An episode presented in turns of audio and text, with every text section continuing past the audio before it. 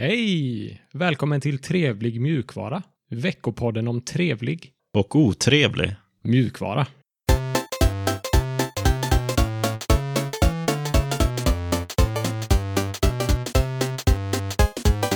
Jag heter Seb och med mig har jag som vanligt Alex. Tjena, tjena. Hallå, hallå. Hur är läget med dig? Det är bra. Själv då? Jo, det är bara fint faktiskt. Har du haft en trevlig påsk? Ja, jag har lekt mycket arkitekt i påsk. Ah. Vad ska vi prata om idag då? Idag kommer vi prata om nyheter, lite spännande grejer att ta upp där. Och sen har vi trevligheter, otrevligheter och eh, lite uppdatering på vårt VIM-äventyr. Ja, det låter ju spännande det. Det är den eh, mest spännande utmaningen just nu. Mm. Men först, nyheter.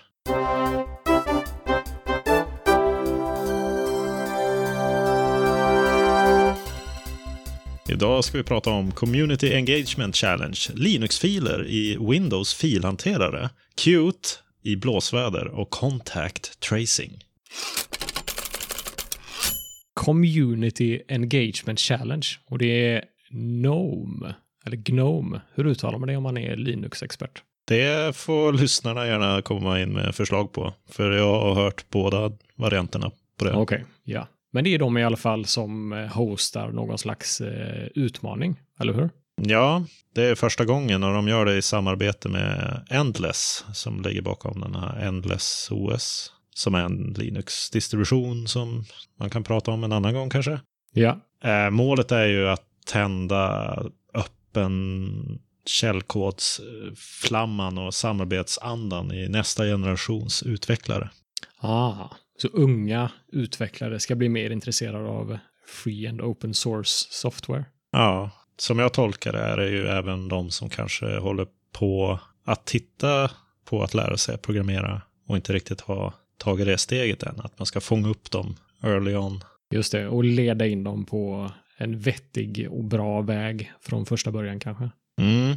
Och även fungera lite som onboarding till eh, det här eh, utvecklingscommunityt som kanske inte är så lätt att komma in i i första steget kanske. Nej, det kan vara lite gatekeeping-känslor där. Det har jag själv upplevt. Man kan i alla fall vinna uppemot 20 000 dollar. Och då förväntar de sig att man ska komma med ett bidrag som gör det roligt att programmera och delta i open source communities. Det ska vara educational, alltså som förbättrar programmeringskunskaperna. Den ska även se till att man är eh, motiverad att fortsätta programmera. Och så ser de gärna att det är lite innovativt och unikt också. Så det är ganska höga krav på, de här, på den här utmaningen tycker jag. Ja, just det. Men det är ju även 20 000 dollar. Så jag tycker det är bra att man tar tag i de här äh, frågorna också. Och inte bara löser pro problem med appar och löser programmeringsproblem. Utan att man tar tag i de här mjuka bitarna och får in nytt folk och nytt blod i, i communityt. Just det, precis. Jag läste lite intressanta stats som eh, de postade här i den här bloggposten. Eh, och det var det är Stack Overflows Developer Survey som de gör varje år. Och lite jämförelser där man kan se trender mellan eh, 2018 och 2019. Eh, så 64,5% av utvecklare contributar inte till open source-projekt mer än en gång per år jämfört med 55,5% eh, året innan. Så det är alltså färre som bidrar till open source-projekt 2019 än vad det var 2018, vilket är lite oroväckande. Bara 25,6% av utvecklarna använder Linux som sitt operativsystem. Det är en siffra som är högre än vad jag trodde ändå. Men eh, det finns väl själva Venn-diagrammet, utvecklare och Linux-användare, eh, har väl ganska stor cross-section, antar jag. Mm. 91,7 procent av utvecklarna identifierar sig själv som män också. Så det är uppenbart att det behövs eh, fler kvinnor in i... Utvecklingsyrkena där ute. Man har i alla fall till den första juli det här året att plita ihop något förslag som man kan skicka in. Så sätt er i skrivkamrarna och hitta på något. Linux-filer i Windows filhanterare har dykt upp i den eh, senaste Windows 10 Insider Preview Build 1963. Ja, det rullar ju av tungan, det här versionsnumret. Det är skämt åsido rätt coolt, tycker jag. Det är någonting som jag verkligen har saknat i eh, VSL, Windows Subsystem för Linux. Ja, och det fungerar ju så att om man har VSL installerat och öppnar upp den här File Explorer eller filhanteraren eller vad det nu heter, så dyker den där tax-ikonen, maskoten, upp. Och så kan man bläddra som vanligt bland filerna där. Tux tar ju sig längre och längre in i kärnan på Windows. Min uh, prediction uh, börjar ju slå in lite smått känner jag. Att den kommer ta över helt? Eller vad är din prediction? Ja, i avsnitt tre på säsong ett så gjorde jag ju en prediction om att inom tio år så ska Microsoft byta ut sin kärna mot Linux. Just det. En sån här förändring är jätteviktig för någon som mig själv som inte är så duktig på Linux filstruktur. Så jag vill gärna se det grafiskt i ett grafiskt gränssnitt framför mig. Vart alla filer ligger och vad mapparna heter och så vidare och hur strukturen ser ut. Så mm. det här hjälper mig jättemycket att navigera i vilka typer av systemfiler eh, som finns framför allt. QT i blåsväder. Cute eller QT? Ja, det är nog cute, tror jag. Ja. Vad är cute då? Qt är ett... De beskriver sig själva som ett widget toolkit. Och det är väl helt enkelt ett toolkit, en verktygslåda för att bygga UI och applikationer. Och med fokus på att vara cross-platform och open source. Mm. Ja, det är väl open source-varianten, eller ett open source-alternativ till eh, och cross-platform-alternativ till eh, Windows eh, VPF. Det är även ett alternativ till GTK som finns i Gnome, eller Gnome, beroende på hur man uttalar det. Det är det som Plasma bygger på, Qt. Precis, och även lyckades jag luska fram Telegram, Teamviewer, VLC, QBitTorrent, OBS och Electrum som några exempel. Det är väldigt många appar som bygger på det. Ja, verkligen. Jag blev jätteförvånad när jag kollade på den listan. Våran soundboard som jag använder här bygger på Qt och Mumble bygger på Qt. Och det här arkitektprogrammet jag har lekt lite med bygger på Qt. Så att det genomsyrar min vardag. Så det är lite läskigt att de är i blåsväder. Men vad är de i blåsväder över? Ja, de har haft det tufft ekonomiskt nu eh, och de säger själva att det är mycket på grund av den rådande coronakrisen som vi har i världen. Och de vill boosta sina siffror. De vill boosta sin ekonomi tillfälligt. Och då är ett förslag från dem att stänga, eller rättare sagt, bara släppa nya releaser till betalande kunder i 12 månader. Så allting blir försenat i 12 månader helt enkelt för open source-communityt. Mm. Nej, det är ingen höjdare. Och de har ju varit i blåsväder tidigare också över sådana här money grabs. Ja, sedan januari detta året så har de redan begränsat sin LTS-release på samma sätt. Så den är bara tillgänglig för betalande kunder. Så de är ju redan halvvägs där. De jobbar ju tillsammans, det är ju QT Company heter ju företaget som styr Qt på något sätt. Och de samarbetar med Qt open source-utvecklare och med KDE mycket. Och där så har de släppt ett litet statement efter de gick ut med det här förslaget. Eh, eller efter det här förslaget blev publik information rättare sagt. Och de säger There have been discussions on various internet forums about the future of Qt open source in the last two days. The contents do not reflect the views or plans of the Qt company. The Qt company is proud to be committed to its customers, open source and the Qt governance model. Så det är ju ett litet intetsägande svar från dem. De säger varken bu eller bä. Mm. Ja, vi får hålla utkik kring det här. Det får vi göra. Det finns en mailinglista som man kan följa om man vill. Där open source-communityt pratar om framtiden för Qt. Och där diskuteras det redan om en fork och detaljer kring den här forken. Så man har bland annat snackat om eh, webbhosting och till och med namn på den här forken. Så KT är förslaget. Jag vet inte hur det ska uttalas. Kate kanske, eller Kåt? Ja, det är typiskt KDE. De ska ju byta ut alla C och Q och alla möjliga bokstäver med, med K. Ja, det blir ju, det kanske är nödvändigt. Vi får se hur det går. Contact tracing. Och här har Apple och Google gått ihop för att skapa någonting som spårar och håller reda på vilka kontakter man har. Ja, precis. I, i spåren av det här viruset som härjar. Precis. Så det finns ju olika typer av contact tracing redan och den vanligaste är väl en manuell contact tracing. Så att om du har blivit infekterad av viruset så kommer sjukvården och frågar dig eh, vilka har du varit i närheten av eh, sedan du blev smittad. Och så gör man contact tracing manuellt på det viset. Men nu har, precis som du säger, Google och Apple gått ihop och försöker med hjälp av teknologi och framförallt mobiltelefoner göra contact tracing eh, digitalt och mer tillgängligt. Okej, okay. har de kommit med något konkret förslag på det?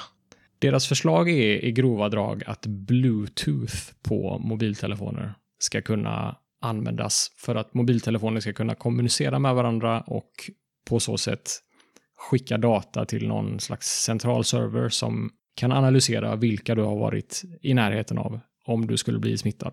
Ja, okej. Okay. Man har ju sett att det har börjat dyka upp appar i Kina framförallt där man har möjlighet att gå på vissa evenemang och sådär och man kan visa upp en grön symbol i appen som säger att man är grön. Jaha, okej. Okay. Att man har blivit testad nyligen då.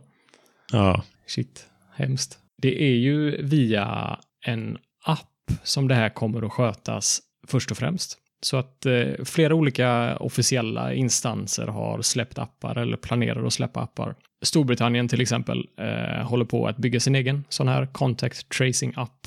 Det här samarbetet mellan Apple och Google kommer göras i två steg. Eh, det första steget, nu i maj, så kommer båda tillverkarna att släppa ett API som gör att iOS och Android kan prata med varandra eh, via de här apparna som de officiella instanserna har släppt. Steg två, som kommer eh, de kommande månaderna, så kommer de bygga in den här funktionaliteten i plattformarna natively. Så att iOS och Android kommer ha de här funktionaliteterna natively. De pushar väldigt mycket såklart på att eh, user privacy och säkerhet är centrala delar i designen av de här API-erna. Men vad säger andra om det? Är det ingen som har reagerat på att det går lite fort och att man kanske Ta lite shortcuts med sådana bitar? För det här handlar ju om någon slags massinsamling av eh, alla möjliga metadata. Det, har, det finns kritik eh, mot det här förslaget, det gör det absolut. Så att eh, säkerhets eh, privacy-delen är ju en, en stor del som har kritiserats. Det gäller ju att man gör det här på rätt sätt. Andra saker som har kritiserats är att om alla inte regelbundet testas så kommer det här inte att vara särskilt effektivt. Bluetooth-signaler kan gå igenom tunna väggar, så du kan få falskflaggor så att säga med det här systemet. Och en till grej som har tagits upp är att man kan trolla systemet. Så att om du i din app säger eh, jag har blivit smittad fast du inte har blivit smittad så kommer systemet inte fungera såklart. Nej, då kan man ju sprida kaos ganska lätt. Precis. Mm, det tåls att tänkas på. Ja, verkligen.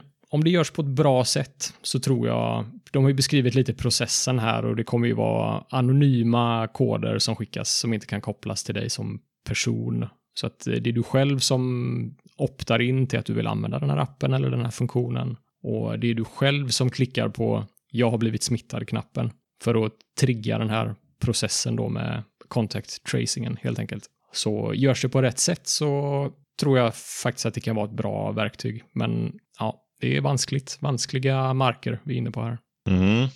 Kanske dags att gå in på lite mer konkret vanskliga marker. Otrevligheter. Yeah! Opera fifflar desperat. Va? Och det här är en liten uh, smyg gammal eh, story från i januari. Men lite backstory är att innan de gick publika på börsen så köpte ett kinesiskt investmentbolag in sig med en ganska stor del. Och vdn för det investmentbolaget eller investmentgruppen sitter som eh, chairman på Opera nu. Och så har de tappat 30 procent i värde sedan dess på börsen. Ja. Och lite andra siffror är att 2018 så fick de in 32 miljoner dollar på ett år och nu backar de 12 miljoner på ett år istället. Opera är ju den här webbläsaren som alltid har funnits där i bakgrunden. Som man alltid har funderat på att testa. Och testat lite grann också. Men det var länge sedan nu. Alla har ju någon kompis som har kört opera, eller kör opera. Ja, precis. Hur som haver, de har det tufft. Och nu har de ju börjat branscha ut, minst sagt. De har bland annat släppt in, eller de har bland annat släppt appar som riktar in sig på Indien, Kenya och Nigeria på mestadels Google Play. Och via de här apparna så lurar de folk i princip att låna pengar. Är det inte appar som är, det är låneappar om jag förstod det rätt? Ja, precis. Och de heter bland annat Cashbean och Ocash och OOPay och OPesa. Kan nu föreställa sig att OT betyder opera i de där namnen? Ja, men de har ju då börjat låna ut pengar till en ränta på mellan 365 och 876 procent. Jesus Christ. Och det är ju inte så trevligt. 800 procent ränta. Mm. Mm, Okej. Okay. Och det finns mycket mera konstigheter som försiggår på Opera nu för tiden. Man kan läsa den här rapporten som de refererar till i artikeln som vi har länkat till från eh, Hindenburg Research. Och där finns det, det väldigt mycket konstigheter som sagt, men bland annat så har Opera skickat in 40 miljoner, eller investerat 40 miljoner dollar då i företag som den här eh, kinesiska chairmanen äger. Bland annat 30 miljoner i en karaoke-app och 9,5 miljoner i någon slags entitet som används för att införskaffa en annan business som Opera redan hade Oj. i sina follor. Så det osar om det här företaget just nu. Det kunde jag inte föreställa mig. Jag har alltid haft en bild av att de har varit good guys. Ja, men det var därför jag tänkte det var dags att ta upp den här. Det var lite samma chockvärde hos mig också när jag läste det här. Jag känner då bara att det är otrevligt hela, hela alltet. Dels att de har gett sig in på de här lite, utnyttjar de här marknaderna som inte har samma översyn kanske. Mm. Och dels att de har vänt Opera upp och ner på. Det var ju liksom en bra browser en gång i tiden. Ja, precis. Ja, det kanske det fortfarande är, men det överskuggas ju av sådana här saker. Man tyckte att det verkade bra. Ja, vi får la se. Det känns som att de får en mindre och mindre marknadsandel. Eh, Chrome blir mer och mer populärt. Många går över till Firefox. Jag vet inte. De är lite i... De har det tufft nu, förstår man. Ja, det är en tuff marknad, helt klart. Här har vi lite uppdateringar på Zoom som vi snackade om förra veckan. Ämnet förra veckan var att Zoom hade ett antal säkerhetsbrister, varav många av dem blev patchade snabbt. Eh, vissa av dem är fortfarande inte patchade. Eh, fortfarande oklar status där. Google och Tesla har nu gått ut och bannat Zoom internt på sina företag. Så Google-anställda och Tesla-anställda får inte lov att använda Zoom för kommunikation när de är på jobbet eller på sina jobbdatorer. Och det är Zoom-appen som de har bannat och inget annat. Så man kan ju använda Zoom i sin webbläsare eh, eller på sin privata PC och det är de helt okej okay med. Men just appen är bannad. Okej, okay. ja, det är ett bakslag för Zoom. Ja, det är det. Det är ju inte många personer det påverkar. Eh, så många anställda är det ju inte, även om de är många enligt vissa mått mätt. Men det är ju ett signalvärde i att både Google och Tesla, som många techbolag ser upp till, bannar Zoom. Helt klart. Vi får nysta i vad det finns för alternativ till Zoom. I nästa segment på trevligheterna så kommer det en, ett litet tips som kanske kan hjälpa en att hitta alternativ till Zoom också. Ja, apropå trevligheter kanske det är dags att gå över till lite trevligare marker.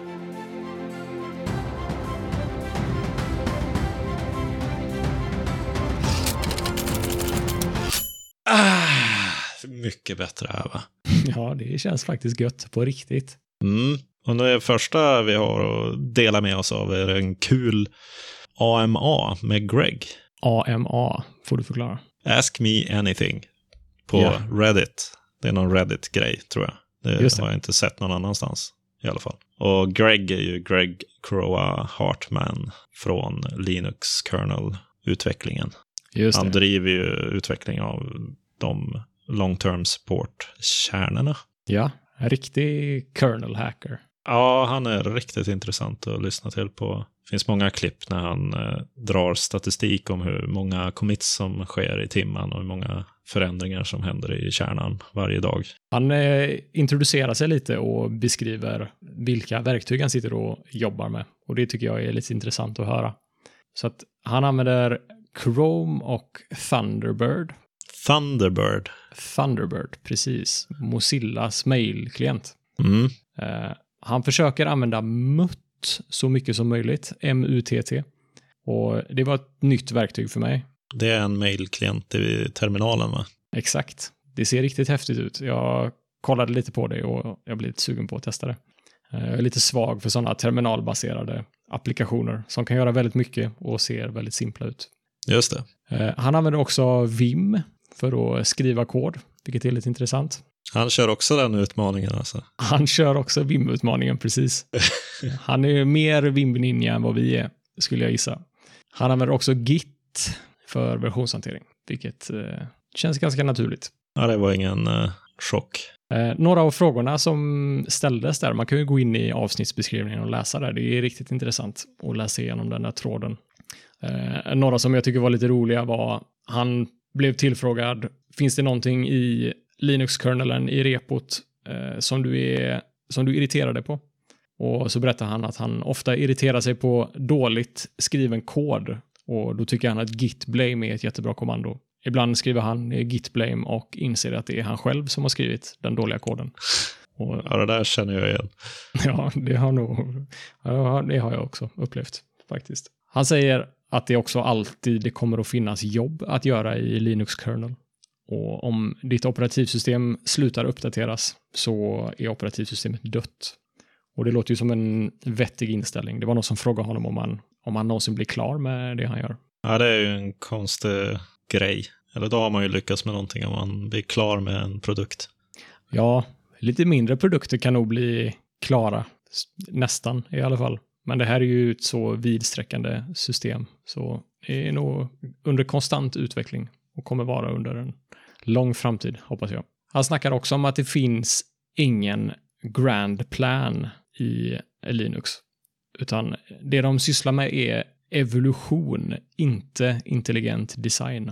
Ja, det låter ju vettigt ändå. Det förvånar mig lite grann att det inte finns någon. Det finns väl en, en bred roadmap, men eh, det är liksom inte spesat in i minsta detalj vad som ska göras, utan det är mycket eh, tar dagen som den kommer, eh, verkar det som där. Mm. Men det har väl att göra med att det är så många stakeholders. Det finns ju Linux på allt från brödrostar till superdatorer. Så att, Just det. Och de allra flesta som jobbar på Linux-kernelen är ju inte anställda så att säga. Så det är ju svårt att säga till dem vad de ska göra eller vad de måste göra. Utan det funkar ju så att alla jobbar ju på det som de själva vill, kan man väl säga. mm.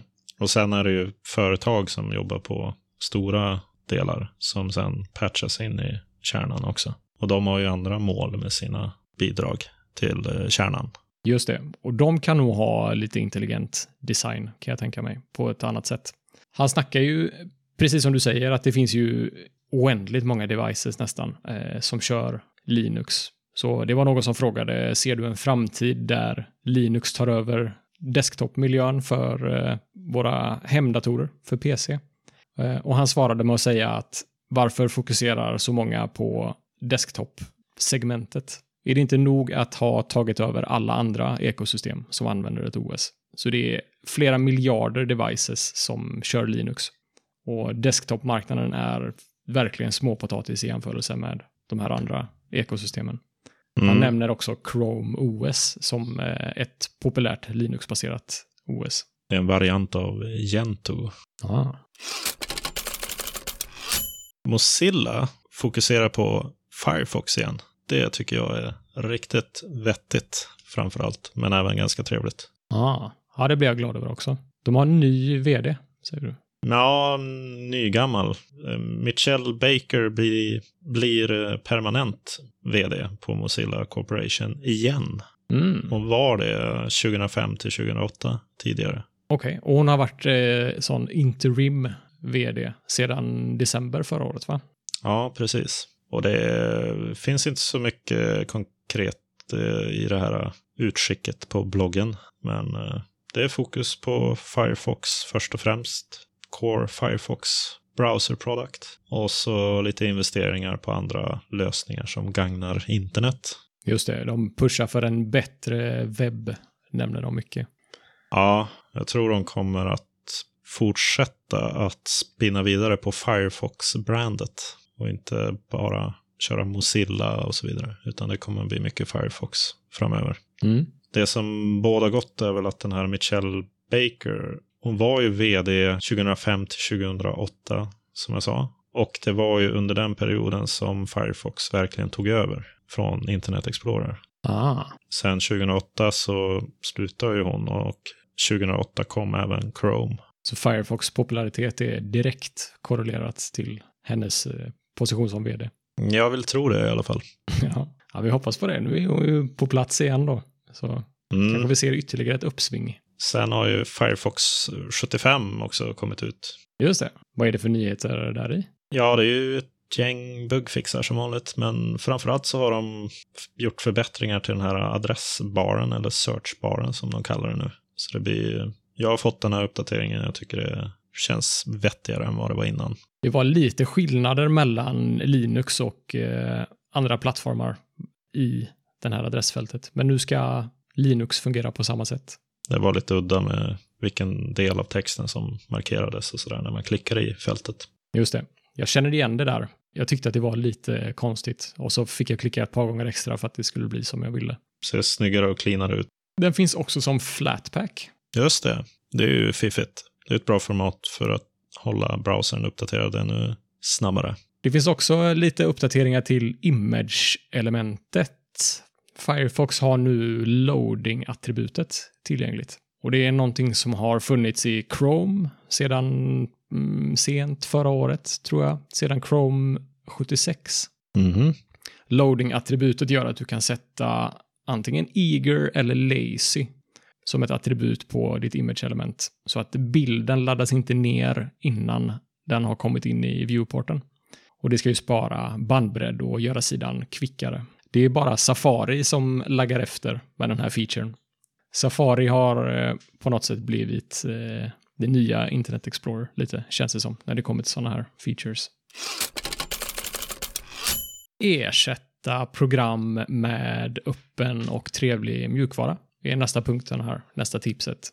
Och sidan heter switching.software. Det var en fräck toppdomän. Det tycker jag med. Skithäftig. Det är helt enkelt en sida som listar öppna och trevliga alternativ till populära program och applikationer.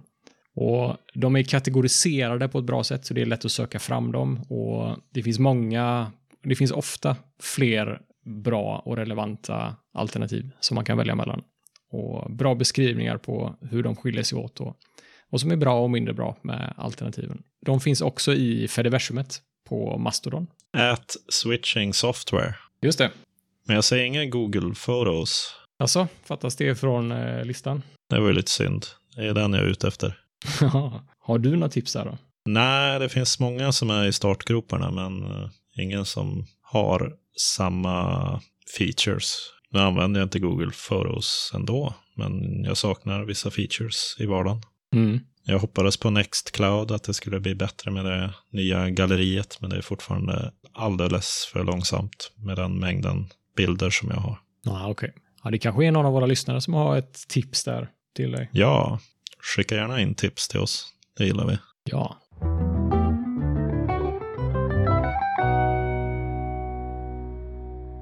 Då har vi kommit till utmaningssegmentet.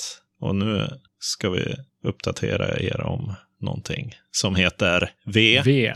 I. vi planerade det här jättenoga, men vi bestämde aldrig vem som skulle säga första bokstaven. Vim. Vim ska vi prata om. Hur går det för dig med Vim? Ja, det går bra, tror jag. Eh, generella takeawayn är att det är väldigt mycket kommandon. Svårt att komma ihåg. Eh, awkward nu i början. Vad tycker du? Ja, jag håller med. Men jag har kanske suttit 20 minuter i något program där jag kan köra Vim. Så jag har varit lite förskonad från att, att använda det in production, så att säga. Utmaningen för de som inte har hängt med är att vi ska använda Vim för allt vårt kodande i två veckor och se vad vi tycker om det. Mm, och det pågår till den 24 i fjärde. Så eh, avsnittet efter det får vi se om vi klarar det att köra Vim hela vägen dit. Ja. Om man blir så pass frustrerad att man ger upp, då eh, är man ju diskvalificerad. Ja, det är man definitivt. Men det hoppas jag att ingen av oss kommer göra. Vi får kämpa. Jag har installerat ett plugin till VS Code, som är programmet jag sitter och utvecklar i. Har du gjort samma sak? Ja, det har jag. Är det samma plugin som mig, det som bara heter Vim? Ja, den hade ju mest nedladdningar. Just det. Det fanns ju också något som heter NeoVim, som har en riktig Vim-motor i bakgrunden. Den som vi kör är ju någon slags emulering, så som jag har förstått det. Mhm. Eh, hur som helst så har man ju alla, alla keyboard-kommandon funkar ju i stort sett. Jag har Ja, haft eh, lite problem med saker som inte funkar riktigt som jag vill att de ska funka dock. När jag sitter och formaterar JSX-kod så funkar inte saker riktigt som jag vill. Det beror säkert på att jag är Vim-noob, men eh, det känns inte som att de Vim-tipsen jag läser är till för folk som sitter och redigerar JSX-kod. de pratar ju om att det ska finnas plugins som gör att Vim förstår olika språk bättre. Mhm. Så du kanske ska se om det finns något sånt man kan installera också. Ja, det borde jag göra. Jag har inte gett mig in i plugin-träsket överhuvudtaget faktiskt. Jag kör super vanilla just nu. Mm. Ja, jag tror det är ett, ett krav för att det ska fungera i de flesta fallen. Att man har plugins. Att man har stöd i Vim för språket man håller på med. Och ibland behövs ju en plugin för det. Ja, just det. Precis. Ja, det ska jag kolla på. Eh, det går ju alltid att lösa samma sak på ett lite mer awkward sätt i Vim, har jag märkt. Så du kan göra saker på det korrekta, snabba sättet eller du kan göra det på det långsamma, manuella sättet. Mm. Och så är det ju med i princip allting du gör. Navigering och editering eh, kan du göra på jättemånga olika sätt. Och det är det Mm. jag nästan har tyckt var svårast, att kunna identifiera vad är det mest effektiva sättet att göra den här ändringen på. Ja, om det finns någon där ute i etern som har något tips på de här grejerna gav mig en aha moment eller någonting. Så får ni gärna skicka in de tipsen. Mm, gärna. Och om ni har någon bra cheat sheet för Vim så får ni gärna skicka den också. Mm. Några grejer som jag har eh, märkt är att när du sitter i VS Code med Vim-stöd så krockar vissa saker. Så resizing av fönster till exempel funkar inte alls. För det har VS Code sitt eget sätt att göra saker på. Så lite sugen blir man ju på att bara köra Vim-editorn istället för VS Code med någon slags emulering. Men Mm. eh, då förlorar man ju allt som VS Code är bra på. Jag har också sett att många har ett Git-repo för sina dot-files, vilket jag tyckte var coolt. Och det tänker jag sätta upp nu också. Det första jag gjorde för att komma in i Vim och förstå the basics var att köra vimadventures.com. Just det, den har jag ju provat också. Du har gjort det? Jag har inte klarat av det än. Jag var Nej. tvungen att avbryta mitt i. Men... Det var roligt. Det är som ett litet spel där du flyttar, du flyttar din gubbe med navigationstangenterna i Vim, helt enkelt. Och så ska du gå igenom en labyrint och hämta nycklar och klara uppdrag och sådär. Så det var ett roligt sätt att lära sig basic-kommandona. Mm. Det är ett bra sätt att få det att fastna lite grann i ryggmärgen. Ja, verkligen. Man får ju, du får lite hjälp i spelet och du har liksom ett mission som är väldigt klart. När jag har suttit och ska editera kod så har jag inte alltid mitt mission så klart för mig. Speciellt med allt nytt som kommer med Vim. Så Mm. det kan jag tipsa om. Det tyckte jag var roligt. Ja, vi kan ju lägga in en länk till spelet i avsnittsbeskrivningen också. Ja, det gör vi. Nu är det dags att blicka inåt. Ja, är det det? Ja, det är det. Mm. Lite grann. Vi har väl eh, bara en uppdatering här under metan. Och det är Christer som undrar hur många gånger vi tabbar oss på ett avsnitt. Ja, den är ju svår att svara på. Eller borde inte vara så svår att svara på. Men vi har inte räknat de tidigare avsnitten. Nej, det har vi inte gjort. Ibland känns det som att hela avsnittet är en stor tabb. Ja, ungefär. Nej, det gör det inte. Men vad skulle du säga? Hur många, Ja, hur många omtagningar gör vi? Omtagningar blir väl tre, fyra kanske. Just det. Du har lite svårt att ta dig igenom eh, nyhetsintrot just för tillfället. Ja, för stunden har jag det, men Ja. tidigare rullar ju det på också. ja, du har varit bra på det, men efter semestern så har det hackat sådär rejält. Ja, nej, men det är väl, ja, vad skulle du säga att vi ligger Det på för siffra? sånt. Ja, tre, fyra, fem kanske på en dålig dag. Det är lite Mm. roligt med tabbar också. Vi har ju, jag vet inte om folk har lyssnat eh, klart på ett avsnitt någon gång, men efter outro-melodin så har vi lite easter eggs, lite tabbar som vi lägger in där. Lite tabbar som vi tyckte var lite lustiga under inspelningen. Ja, precis. Ja, det är inte mycket, men det kan vara lite, lite roligt, kanske, tänkte vi. Mm. Det var all trevlig Och otrevlig. Mjukvara vi hade för denna veckan. Hör gärna av er till kontaktet eh, trevligmjukvara.se. Och följ oss på ett trevlig mjukvara på Twitter och Mastodon om ni vill fortsätta diskussionerna eller ge någon annan slags input. Vi finns ju även på Telegram i våra två kanaler där. Finns i avsnittsbeskrivningen, länkar. Vi hörs eh, nästa vecka. Trevlig mjukvara på er. Trevlig mjukvara.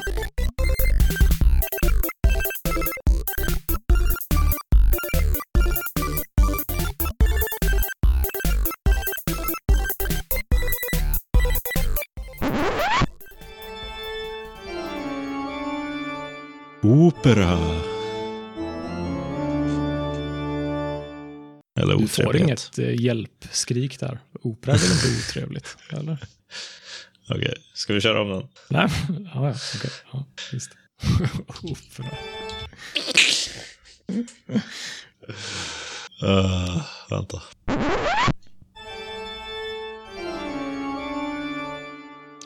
Nej, men nu glömde jag. Du har tappat det. Okej, nu är jag tyst.